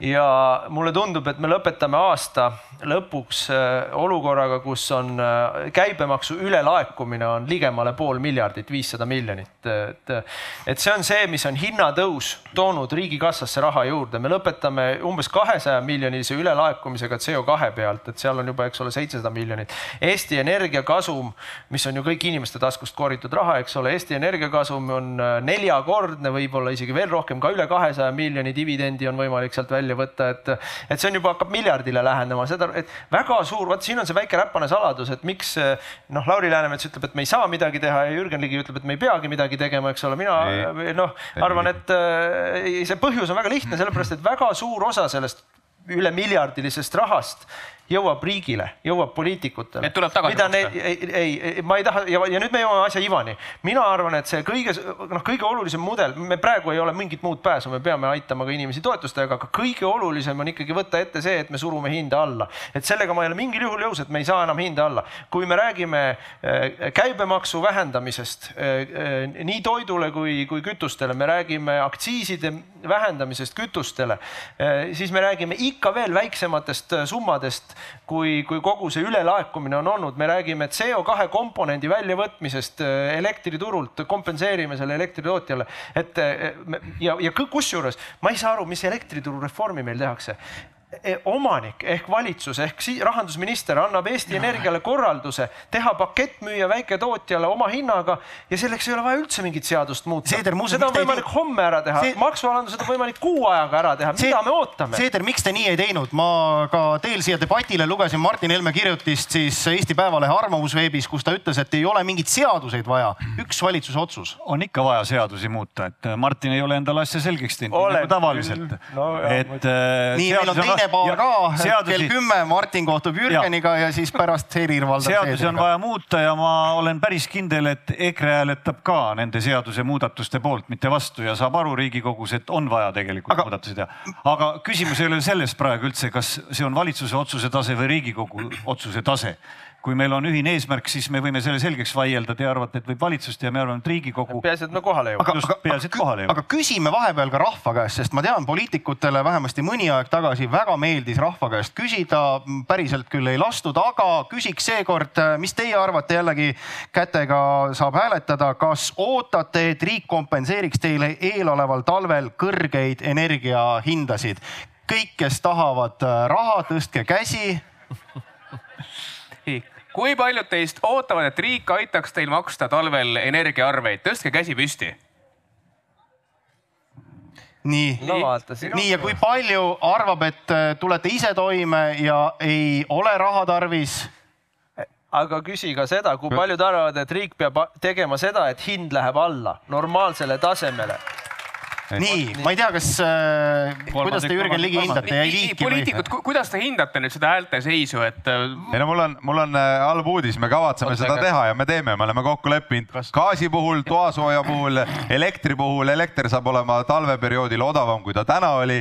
et, et ma loodan, meie ümber praegu ei kavatse mõelda siin. Jürgen, see Jüri Ratas Riigikogu esimehena, te peate kogu aeg seda saali tunnetust nagu seal Riigikogus hindama, et kuidas praegu oli, et kas enamus oli äh, nii-öelda kompensatsioonide poolt või vastu?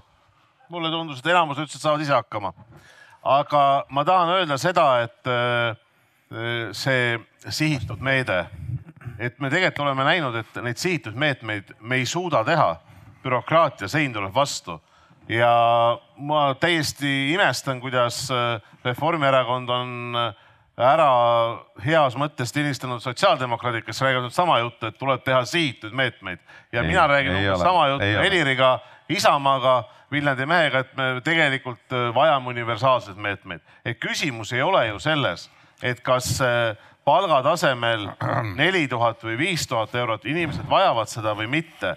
ka meie ettevõtlus vajab seda. viimasel talvel me nägime seda, et see, et inimestel oleks töökohad, et ettevõtetel oleks jätkusuutlikkus, nad vajasid universaalseid meetmeid nii elektrile, gaasile kui ka kaugküttele ja seda on ka sellel talvel vaja.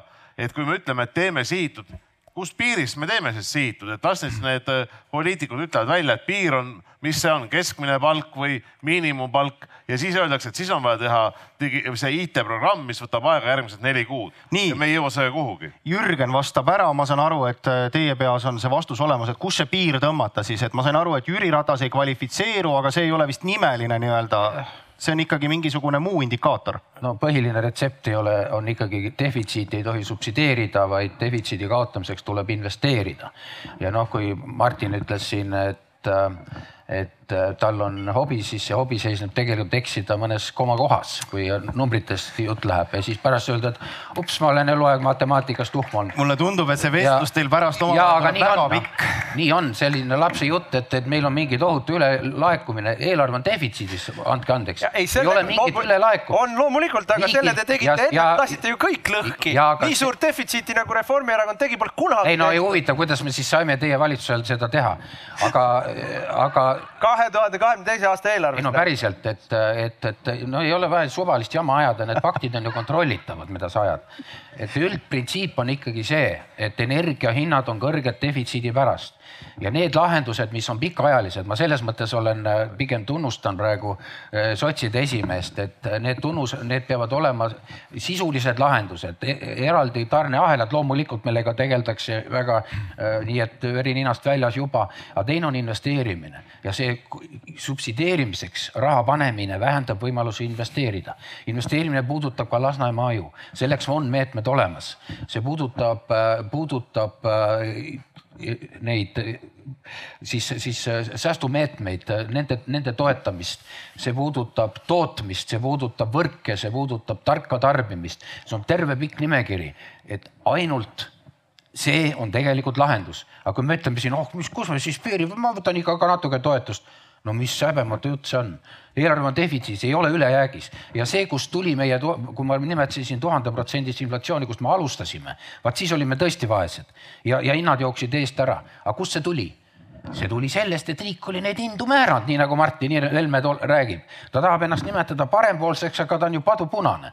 Ja see on väga masendav see on nii. väga masendav, ta ei lase, ta ei saa nagu nende pakkumise poolsest lahendusest üldse aru, ta muudkui maksas kinni, tal on ülelaekumine, riigil on raha puudumine, aga temal on ülelaekumine. Jürgen, mul on sulle üks küsimus, et sa räägid defitsiidist, ma küsin ainult ühe küsimuse. inimene- kus ma küsin ühe küsimuse. Septembri lõpus, kui tänane koalitsioon saadab Riigikogusse riigieelarve, riigieelarve strateegiaga ja sa ütled, et meie suurim probleem on täna defitsiit, siis ütle palun, kas see defitsiit septembri lõpu dokumendis suureneb märgatavalt, jääb samaks või väheneb? ta jääb enam-vähem samaks ja mina ei räägi üldse, et meie suurim probleem on defitsiit. meie suurim probleem, kui kolmest üks suurest probleemist, mida te siin kõik inimestele pähe määrite, on energiadefitsiit ja seda tuleb lahendada.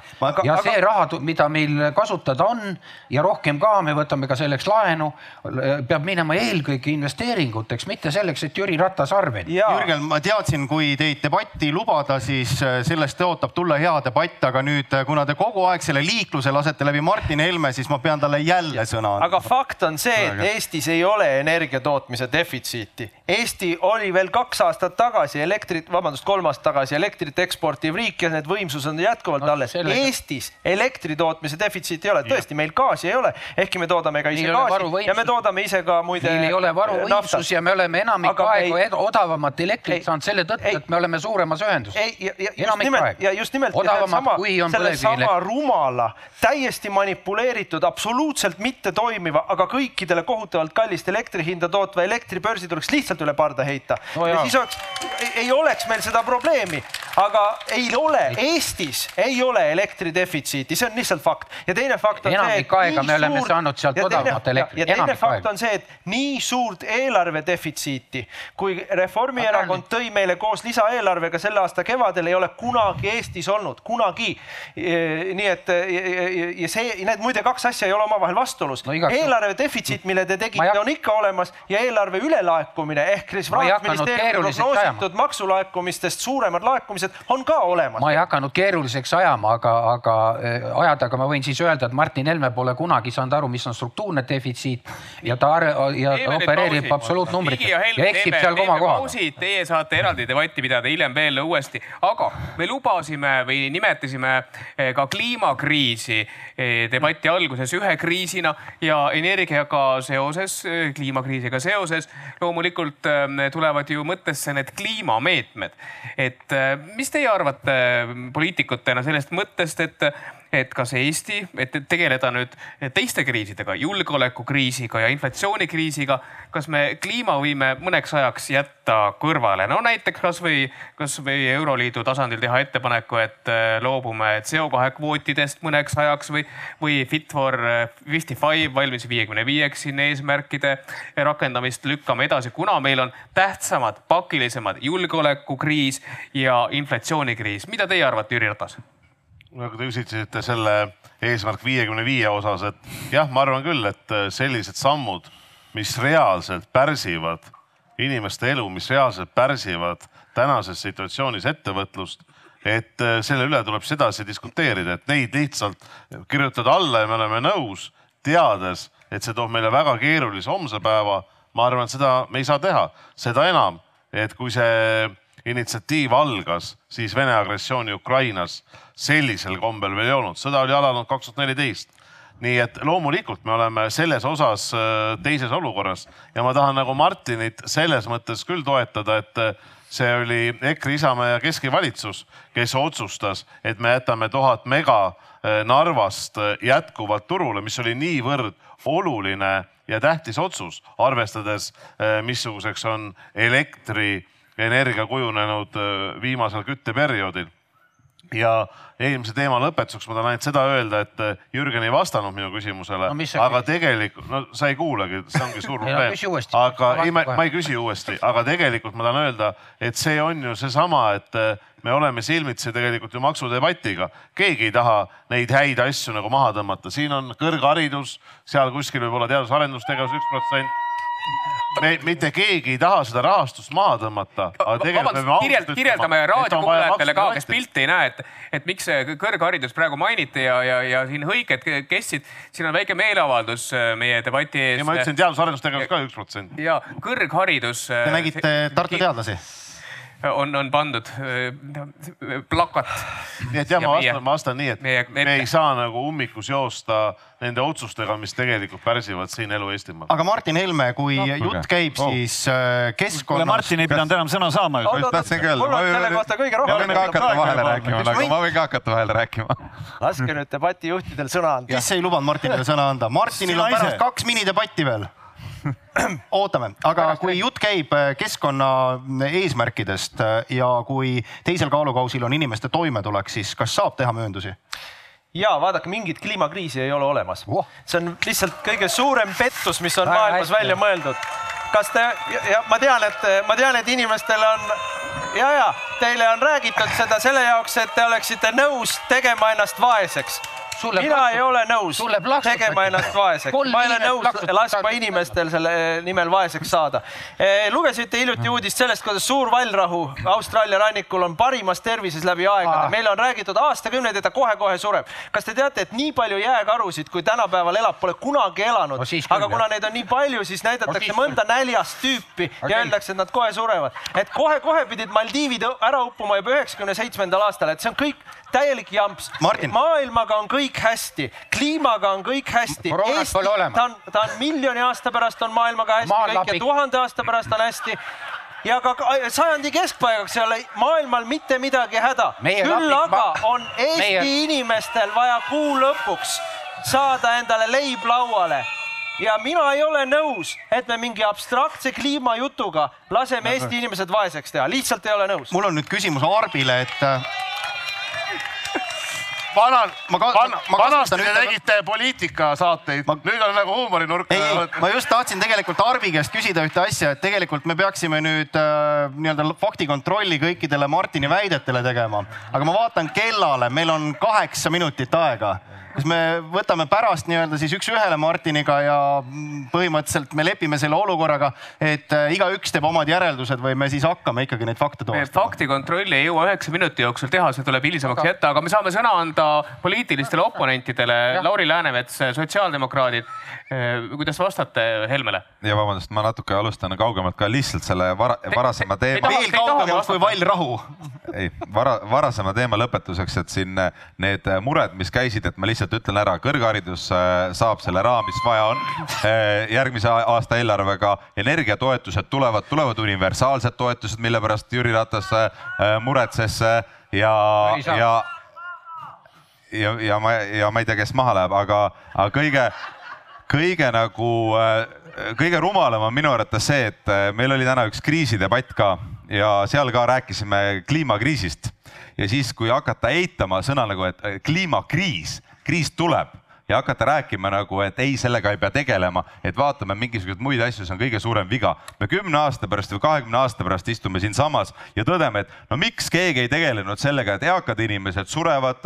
kliimakriisil on otsene mõju, väga tugev mõju neile, kes on jälle keskmise ja väiksema sissetulekuga inimesed. Nemad kannatavad rohkem, nemad muutuvad vaesemaks. me peame jälle rääkima nendest toetustest, on ju, see on energeetikaga väga otseselt seotud, me teame, et selle põlevkiviga täna me peame kütma põlevkiviga, pole midagi teha, alternatiive pole, aga tulevikus on energeetika küsimus väga otseselt eh, sellega seotud, eh, et kõik need pooled, et kõige nagu rumalam asi on nagu asja eitada, sest me jõuame täpselt nende probleemide juurde tagasi nagu julgeolekus küsime või Narva tanki juures, et, et miks keegi pole teinud no, ma, ma meenutan, et, et, et kolmkümmend, me ennem alustasime seda debatti sellega, kolmkümmend aastat meil on see nagu asi olnud ja miks keegi sellega ei tegelenud. vot täpselt selliste probleemidega eitamise pärast need asjad juhtuvad, et hakkame täna tegelema selle asjaga nii, Seeder, kas saab teha keskkonna arvelt kompromisse või äh, tõesti inimeste toimetulek ja kogu see säästev areng ja need on olulised märksõnad? ma vaatasin ka kella nagu teiegi ja ma viisaka inimesena sain viimati sõna eelmisel saatetunnil. et ma õpin nüüd nendes debattides väga palju ja ma hoiatasin teid, kui te Martinile sõna andsite, aga te ikka andsite sõna. aga nüüd äh, Jürgen tagasi tulles selle teema juurde, minu arvates ei ole õige toetusi ja investeeringuid vastandada, ma arvan, praegu on mõlemaid vajalik, absoluutselt mõlemaid on vajalik aga nüüd, eh, mis puudutab kliimaeesmärke, siis need kliimaeesmärgid ei ole jõukohased ja nad ei ole ka puht eh, füüsiliselt ajalises mõttes realiseeritavad, mida siin Euroopa Liit on algatanud. ja loomulikult ei, praeguses olukorras eriti, kus käib sõda eh, ei saa me lähtuda nendest otsustest ja üllatest eesmärkidest, mis me seadsime endale enne sõda. ja kui me mõtleme keskkonnale, no siis hullemat keskkonnavaenlast kui seesama sõda, mis seal praegu toimub ei ole võimalik leida, nii et igal juhul on julgeoleku küsimused, ellujäämise küsimused ja majanduslikult äh, hakkamasaamise küsimused täna esmajärgulised. et äh, mis, ma ei taha jällegi vastanduda pikas perspektiivis mõjule kliimaga, loomulikult neid eesmärke tuleb vaadata mõistlikult, aga, aga täna, kus käib sõda, on vaja kõigepealt ellu jääda, inimestel on vaja talv üle elada. Ja, ja see, mis sa, Jürgen, rääkisid siin äh, punasest ja valgest ja ma ei saanudki päris hästi aru.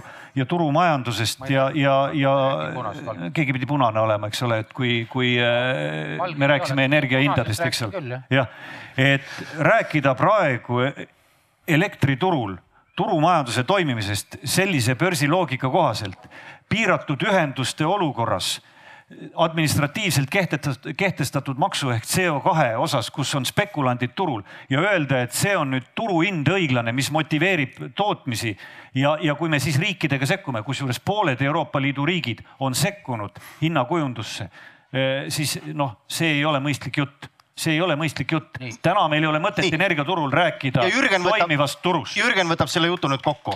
küsimus oli ju selle kohta, kas äh, julgeolekukriis on kuidagi kliimakriisi äh, lükanud tagaplaanile. tegelikult on eesmärgid samad lahti saada fossiilkütustest. julgeolekukriisi probleem on selles, et fossiilkütustest nuumavad ennast totalitaarsed äh, riigid ja need tegelikult lähevad ühes suunas. mis puudutab seda toimetulekut, siis no kõige rohkem mind hämmastab, et rahvuskonservatiivid on võtnud sellise küünilise hoiaku, et kliimaprobleemi ei ole. ma, ma võtaks selle kõrg seal eest ära, et haridusel on raha vaja. kui siuksed tüübid tulevad rääkima siia Riigikogus, et tegelikult tegelikult on meie kõige suurem rahvuslik oht maailmas kliima ja ressursside pärast tekivad konfliktid päriselt ka, et tegelikult migratsioonisurve tuleb väga suuresti seotuna, äh, seotuna ju, ju kliimaprobleemidest, põllumajandusmaa kõlbmatuks muutumisest, üleujutustest ja nii edasi. ja mina ei saa aru, miks peavad rahvuskonservatiivid olema need kõik, need pätid, kes ütlevad, tulge, tulge, tead, kliimaga on kõik hästi. tegelikult oma eluviiside, elu, oma eluviisi säilitamiseks on vaja teha väga põhimõttelisi investeeringuid energeetikasse ja mina rõhun sellesse. niipea kui me läheme lausalise subsideerimise teel, see tähendab, me tekitame suurema defitsiidi ja samamoodi, kuna siin sai mainitud inflatsiooni, siis äh, ka inflatsiooni mootor on see, mida ütleme, et aga inimestele maksame rohkem raha. see on inflatsiooni mootor, seab ainult hindu kõrgemale. siin olid näpud püsti, Seeder, Helme ja Ratas. raha tuleb välja teenida ka inimestel selle koha pealt, et me ei anna seda kunstlikult, laenu. Helir ei, ma ei saanud aru, millest Jürgen räägib, et mis rahvuskonser-. ei, ei saa absoluutselt aru. et, et mis rahvuskonservatiivid, et äh, Isamaa on ka rahvus. kaks kõige kliimavaenulikumat on äh, hinnatud tegelikult kolm Nii. eelmiste valimiste järel. päriselt ka, ei no eelmise valimiste ajal äh, keskkonnaorganisatsioonid äh, noppisid programmidest ja nimetasid kolme erakonda. tõelisi punaseid tahad näha, siis need olidki. see on hämmastav, et ma annan sõna Seedrile ja räägib Ligi, annan sõna Helmele ja Ligi räägib. aga tema ei saanud minu jutust aru, ma lihtsalt tulin ja toetasin. ei olegi vaja. aitäh sulle, Jürgen, aitäh. nii kas Seeder lõpetas? ei, ma tahtsin lihtsalt öelda, et ma ei saanud sellest seosest aru rahvuskonservatiividega, aga ilmselt Jürgen peab harima ennast Eesti Nii, poliitilise maastiku osas veel. faktide osas ma saan aru, et äh, Martin nüüd soovib. tähendab, mina tahtsin Laurile lihtsalt öelda seda, kus kes muretseb selle pärast, et, et kliimakriis tekitab inimestele sissetulekukriisi. vaata, selle kliimajutuga on kümme, kakskümmend aastat Euroopas suretatud välja äh, energia tootmist, sedasama fossiilenergia tootmist. selle tagajärjel, Jürgen, pani terve Euroopa ennast just nimelt selle diktaatori energiatoru otsa, et meie oleme toredad ja päästame kliimat, kusjuures tegelikult ju võtame sellesama aga... Äh, fossiilkütuse siis kuskilt. Äh, Aafrikast või, või, või kuskilt mujalt, eks ole. ja, ja, ja, ja, ja siis nüüd me valmistame järgmist kriisi ette, see on toidukriis, et hakkame Hollandis paneme kolmandiku tootmist seisma, Eestis paneme veerand tootmist seisma, ikka kõik kliima nimel, see on ju jamps, see on ju täielik jama. me tekitame kõigepealt kriisi, öeldes, et meil on kliimakriis, tegelikult tekitame energiakriisi, tegelikult tekitame toidukriisi, siis tekitame vaesuskriisi. no kuule, astume sellest rumalast ringist välja Alg, algharidus. aitäh, Jüri Ratasel oli ka näpp püsti enne juba, pikalt. ja oli küll, et äh, Jürgen rääkis nendest fossiilkütustest, et, äh, et need tuleb kõik kohe fossiilsed kütused ära lõpetada, et nii. Äh, oli, oli nii. ütlesin nii, et kohe. et ma olen nagu taas nagu Heliriga selles mõttes ühel lainel, et et me peame nagu ikka nagu natuke korraks selle kontekstis aru saama, et kus me täna oleme, et kui me ei oleks lasknud näiteks valitsus ei oleks otsustanud, et, põlevkiviõli saab kasutada Narva linna kütmisel, oleks see olnud ikka väga suur sotsiaalne probleem selles omavalitsuses, et päris nii eh, nagu seda konteksti tuleb, ma arvan, palju laiemalt mõista. ja siis sa ütlesid ühe asja, et võtke see kõrg ära ja jätke ainult haridus. ma saan aru, et teil on probleem, et te ei suuda neid lepinguid kõrghariduse osas ülikoolidega teha, tehke ära need lepingud, leidke see raha valitsuses. see raha on leitud jah nii kliimakriisi teema lõpetuseks äh, ja meie saade saab ka kohe läbi, debatt saab läbi. arvamusfestivalil on kaks päeva väga palju äh, kliimakriisist ja ka elurikkuse kriisist räägitud. Äh, küsin niipidi, kas keegi teist viiest parlamendierakonnast, parlamendierakonna juhist eelseisvate Riigikogu valimiste eel programmi ka paneb sellise eesmärgi kirja, et me tervikuna, ühiskonnana peaksime hakkama vähem tarbima? mina kindlasti ei pane, minu minu arust on kõikidel poliitikutel üks ülesanne, hoolitseda selle eest, et inimeste elu on parem ja minu meelest, kui ma kuulan, mida räägib Jürgen Ligi ja Reformierakond, siis nende jutt on see, et siitmaalt edasi halvem elu kõigile. aga minu küsimus puudutas, kas keegi on valmis panema programmi, et äh, ärme rohkem seda tarbimist enam kasvata, hakkame nüüd vähem tarbima, vaatan sotside otsa näiteks. Soomes sotsid juba räägivad midagi sellest, aga Eestis ja äh, täna sotsid rääkisid ka sellest. Äh, halvem elu kõigile. tegelikult ei ole halvem elu kõigile, et äh, mõistuse piires pead elama, et see ongi see tänases päevas elamine on minu arvates ainult tänases päevas elamine on viga, et me jälle täna räägime hästi palju sellest põlevkivist ja kõigest, kõigest sellest, mis täna on, on ju. aga me ei, pole nagu selles debatis käinud läbi see, aga mis juhtub viie aasta pärast, mis on kümne aasta pärast, mis on kahekümne aasta pärast. ehk siis ma arvan, et need arutelud on õiged olnud ja, ja ma tean, et et need loomad ja linnukesed tundub niisugune pudi-padi, onju, aga vaata, et eh, kui neid eh, mesilasi ja putukaid ühel päeval ei ole ja neid ühel päeval ei ole, kui sa niimoodi jätkad, onju, siis eh, ei ole sind ka. loodus elab siin planeedil edasi, lihtsalt vahepeal inimene sureb välja. selles mõttes ja sotsiaaldemokraatide programmis saab kliimateemad kindlasti olema. nii, aga küsime teiste käest, kas tarbimine ja üldine sellise ka sellega keskkonnakoormuse tekitamise vähenemine, vähendamine läheb näiteks Isamaa programmi või mitte? see on väga lihtsustatud lähenemine, mida te küsite. no me alati mina, töötamegi nii.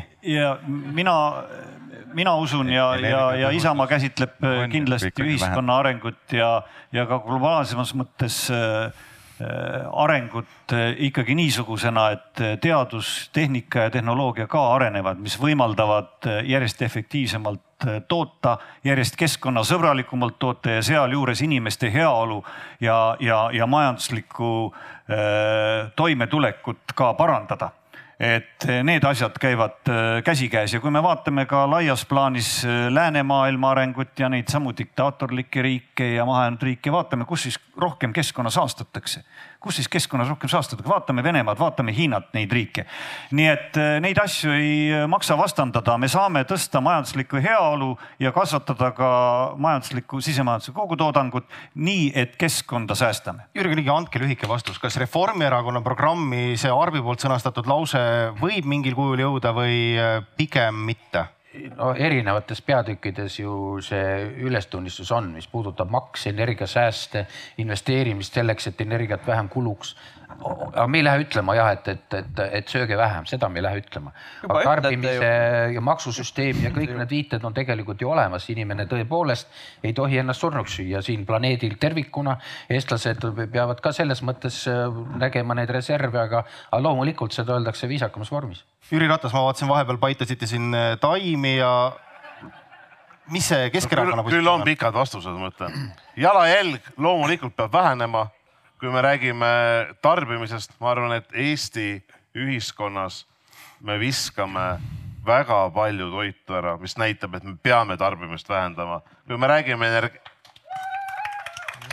kui me räägime sellest kütte aspektist, siis ma arvan, et siin inimesed tarbivad nii minimaalselt, kui on võimalik. ja siin hoida veel kokku, ma ei tea, viisteist, kakskümmend, kakskümmend viis protsenti need aknad on ammu juba tihenditega ära topitud. viimased poolteist tundi on läinud väga kiiresti, üks teema, millest me ei jõudnudki rääkida, ma ei tea, te ise ei pressinud ka, ma olen hoolikas kuulaja. noh, kõrgharidusest tuli natukene juttu, siin oli väike ülepakkumine, aga tervisekriisist ei jõudnudki rääkida, kas see oli viga või rahvas on koroonast ja kogu sellest asjast nii väsinud, et sellel kõigel poleks olnudki mõtet? jah, poleks koroonat, poleks mind ju oleks Kaja Kallas siin näed, see on kriis head inimesed, ma tänan kõiki tänaseid äh, paneelis osalenuid poliitikuid, Jüri Ratas, Keskerakond, Jürgen Ligi, Reformierakond. koroona andis võimaluse kordki esimehena või esimehe ülesannetes tal särada Helir-Valdor Seeder Isamaast, Lauri Läänemets sotsiaaldemokraatidest, Martin Helme EKRE-st. meie oleme Art Müller ja Mirko Ojakivi, aga mul on kuulajatele veel üks äh, palve ja ka platsil olijatele ennekõike see puudutab Arvamusfestivali sünnipäeva. arvamusfestival tähistab kümnendat sünnipäeva, juba kümnendat korda oleme meie ja teie kogunenud siia Paide Vallimäele. Aga kui meie debatt siin nüüd läbi saab, siis on kõik Arvamusfestivali sõbrad ja siin olijad oodatud siis sinna alla. Äh, platsi peale, kus pakutakse torti ja tähistame siis Arvamusfestivali kümnendat sünnipäeva. ja muide raadiokuulajad, kui te ka Paide lähedal olete, siis ka ju saate tulla, jõuate veel täitsa kohale sõita. aga meie debatile joont alla tõmmates, äh, kuidas head kriisi mitte raisku lasta. me tänase debati jooksul äh, sellele küsimusele vastust vist ei leidnud, aga kas poliitikud lasid julgeolekukriisi, energiakriisi inflatsioonikriisi, kliimakriisi eh, raisku. no sellele vastusele, sellele küsimusele vastuse saame siis mõne aasta pärast. investeeringutest ju me ikka rääkisime. suur tänu, kõike head ja head õhtut ja kohtumiseni järgmisel Arvamusfestivalil. selge see,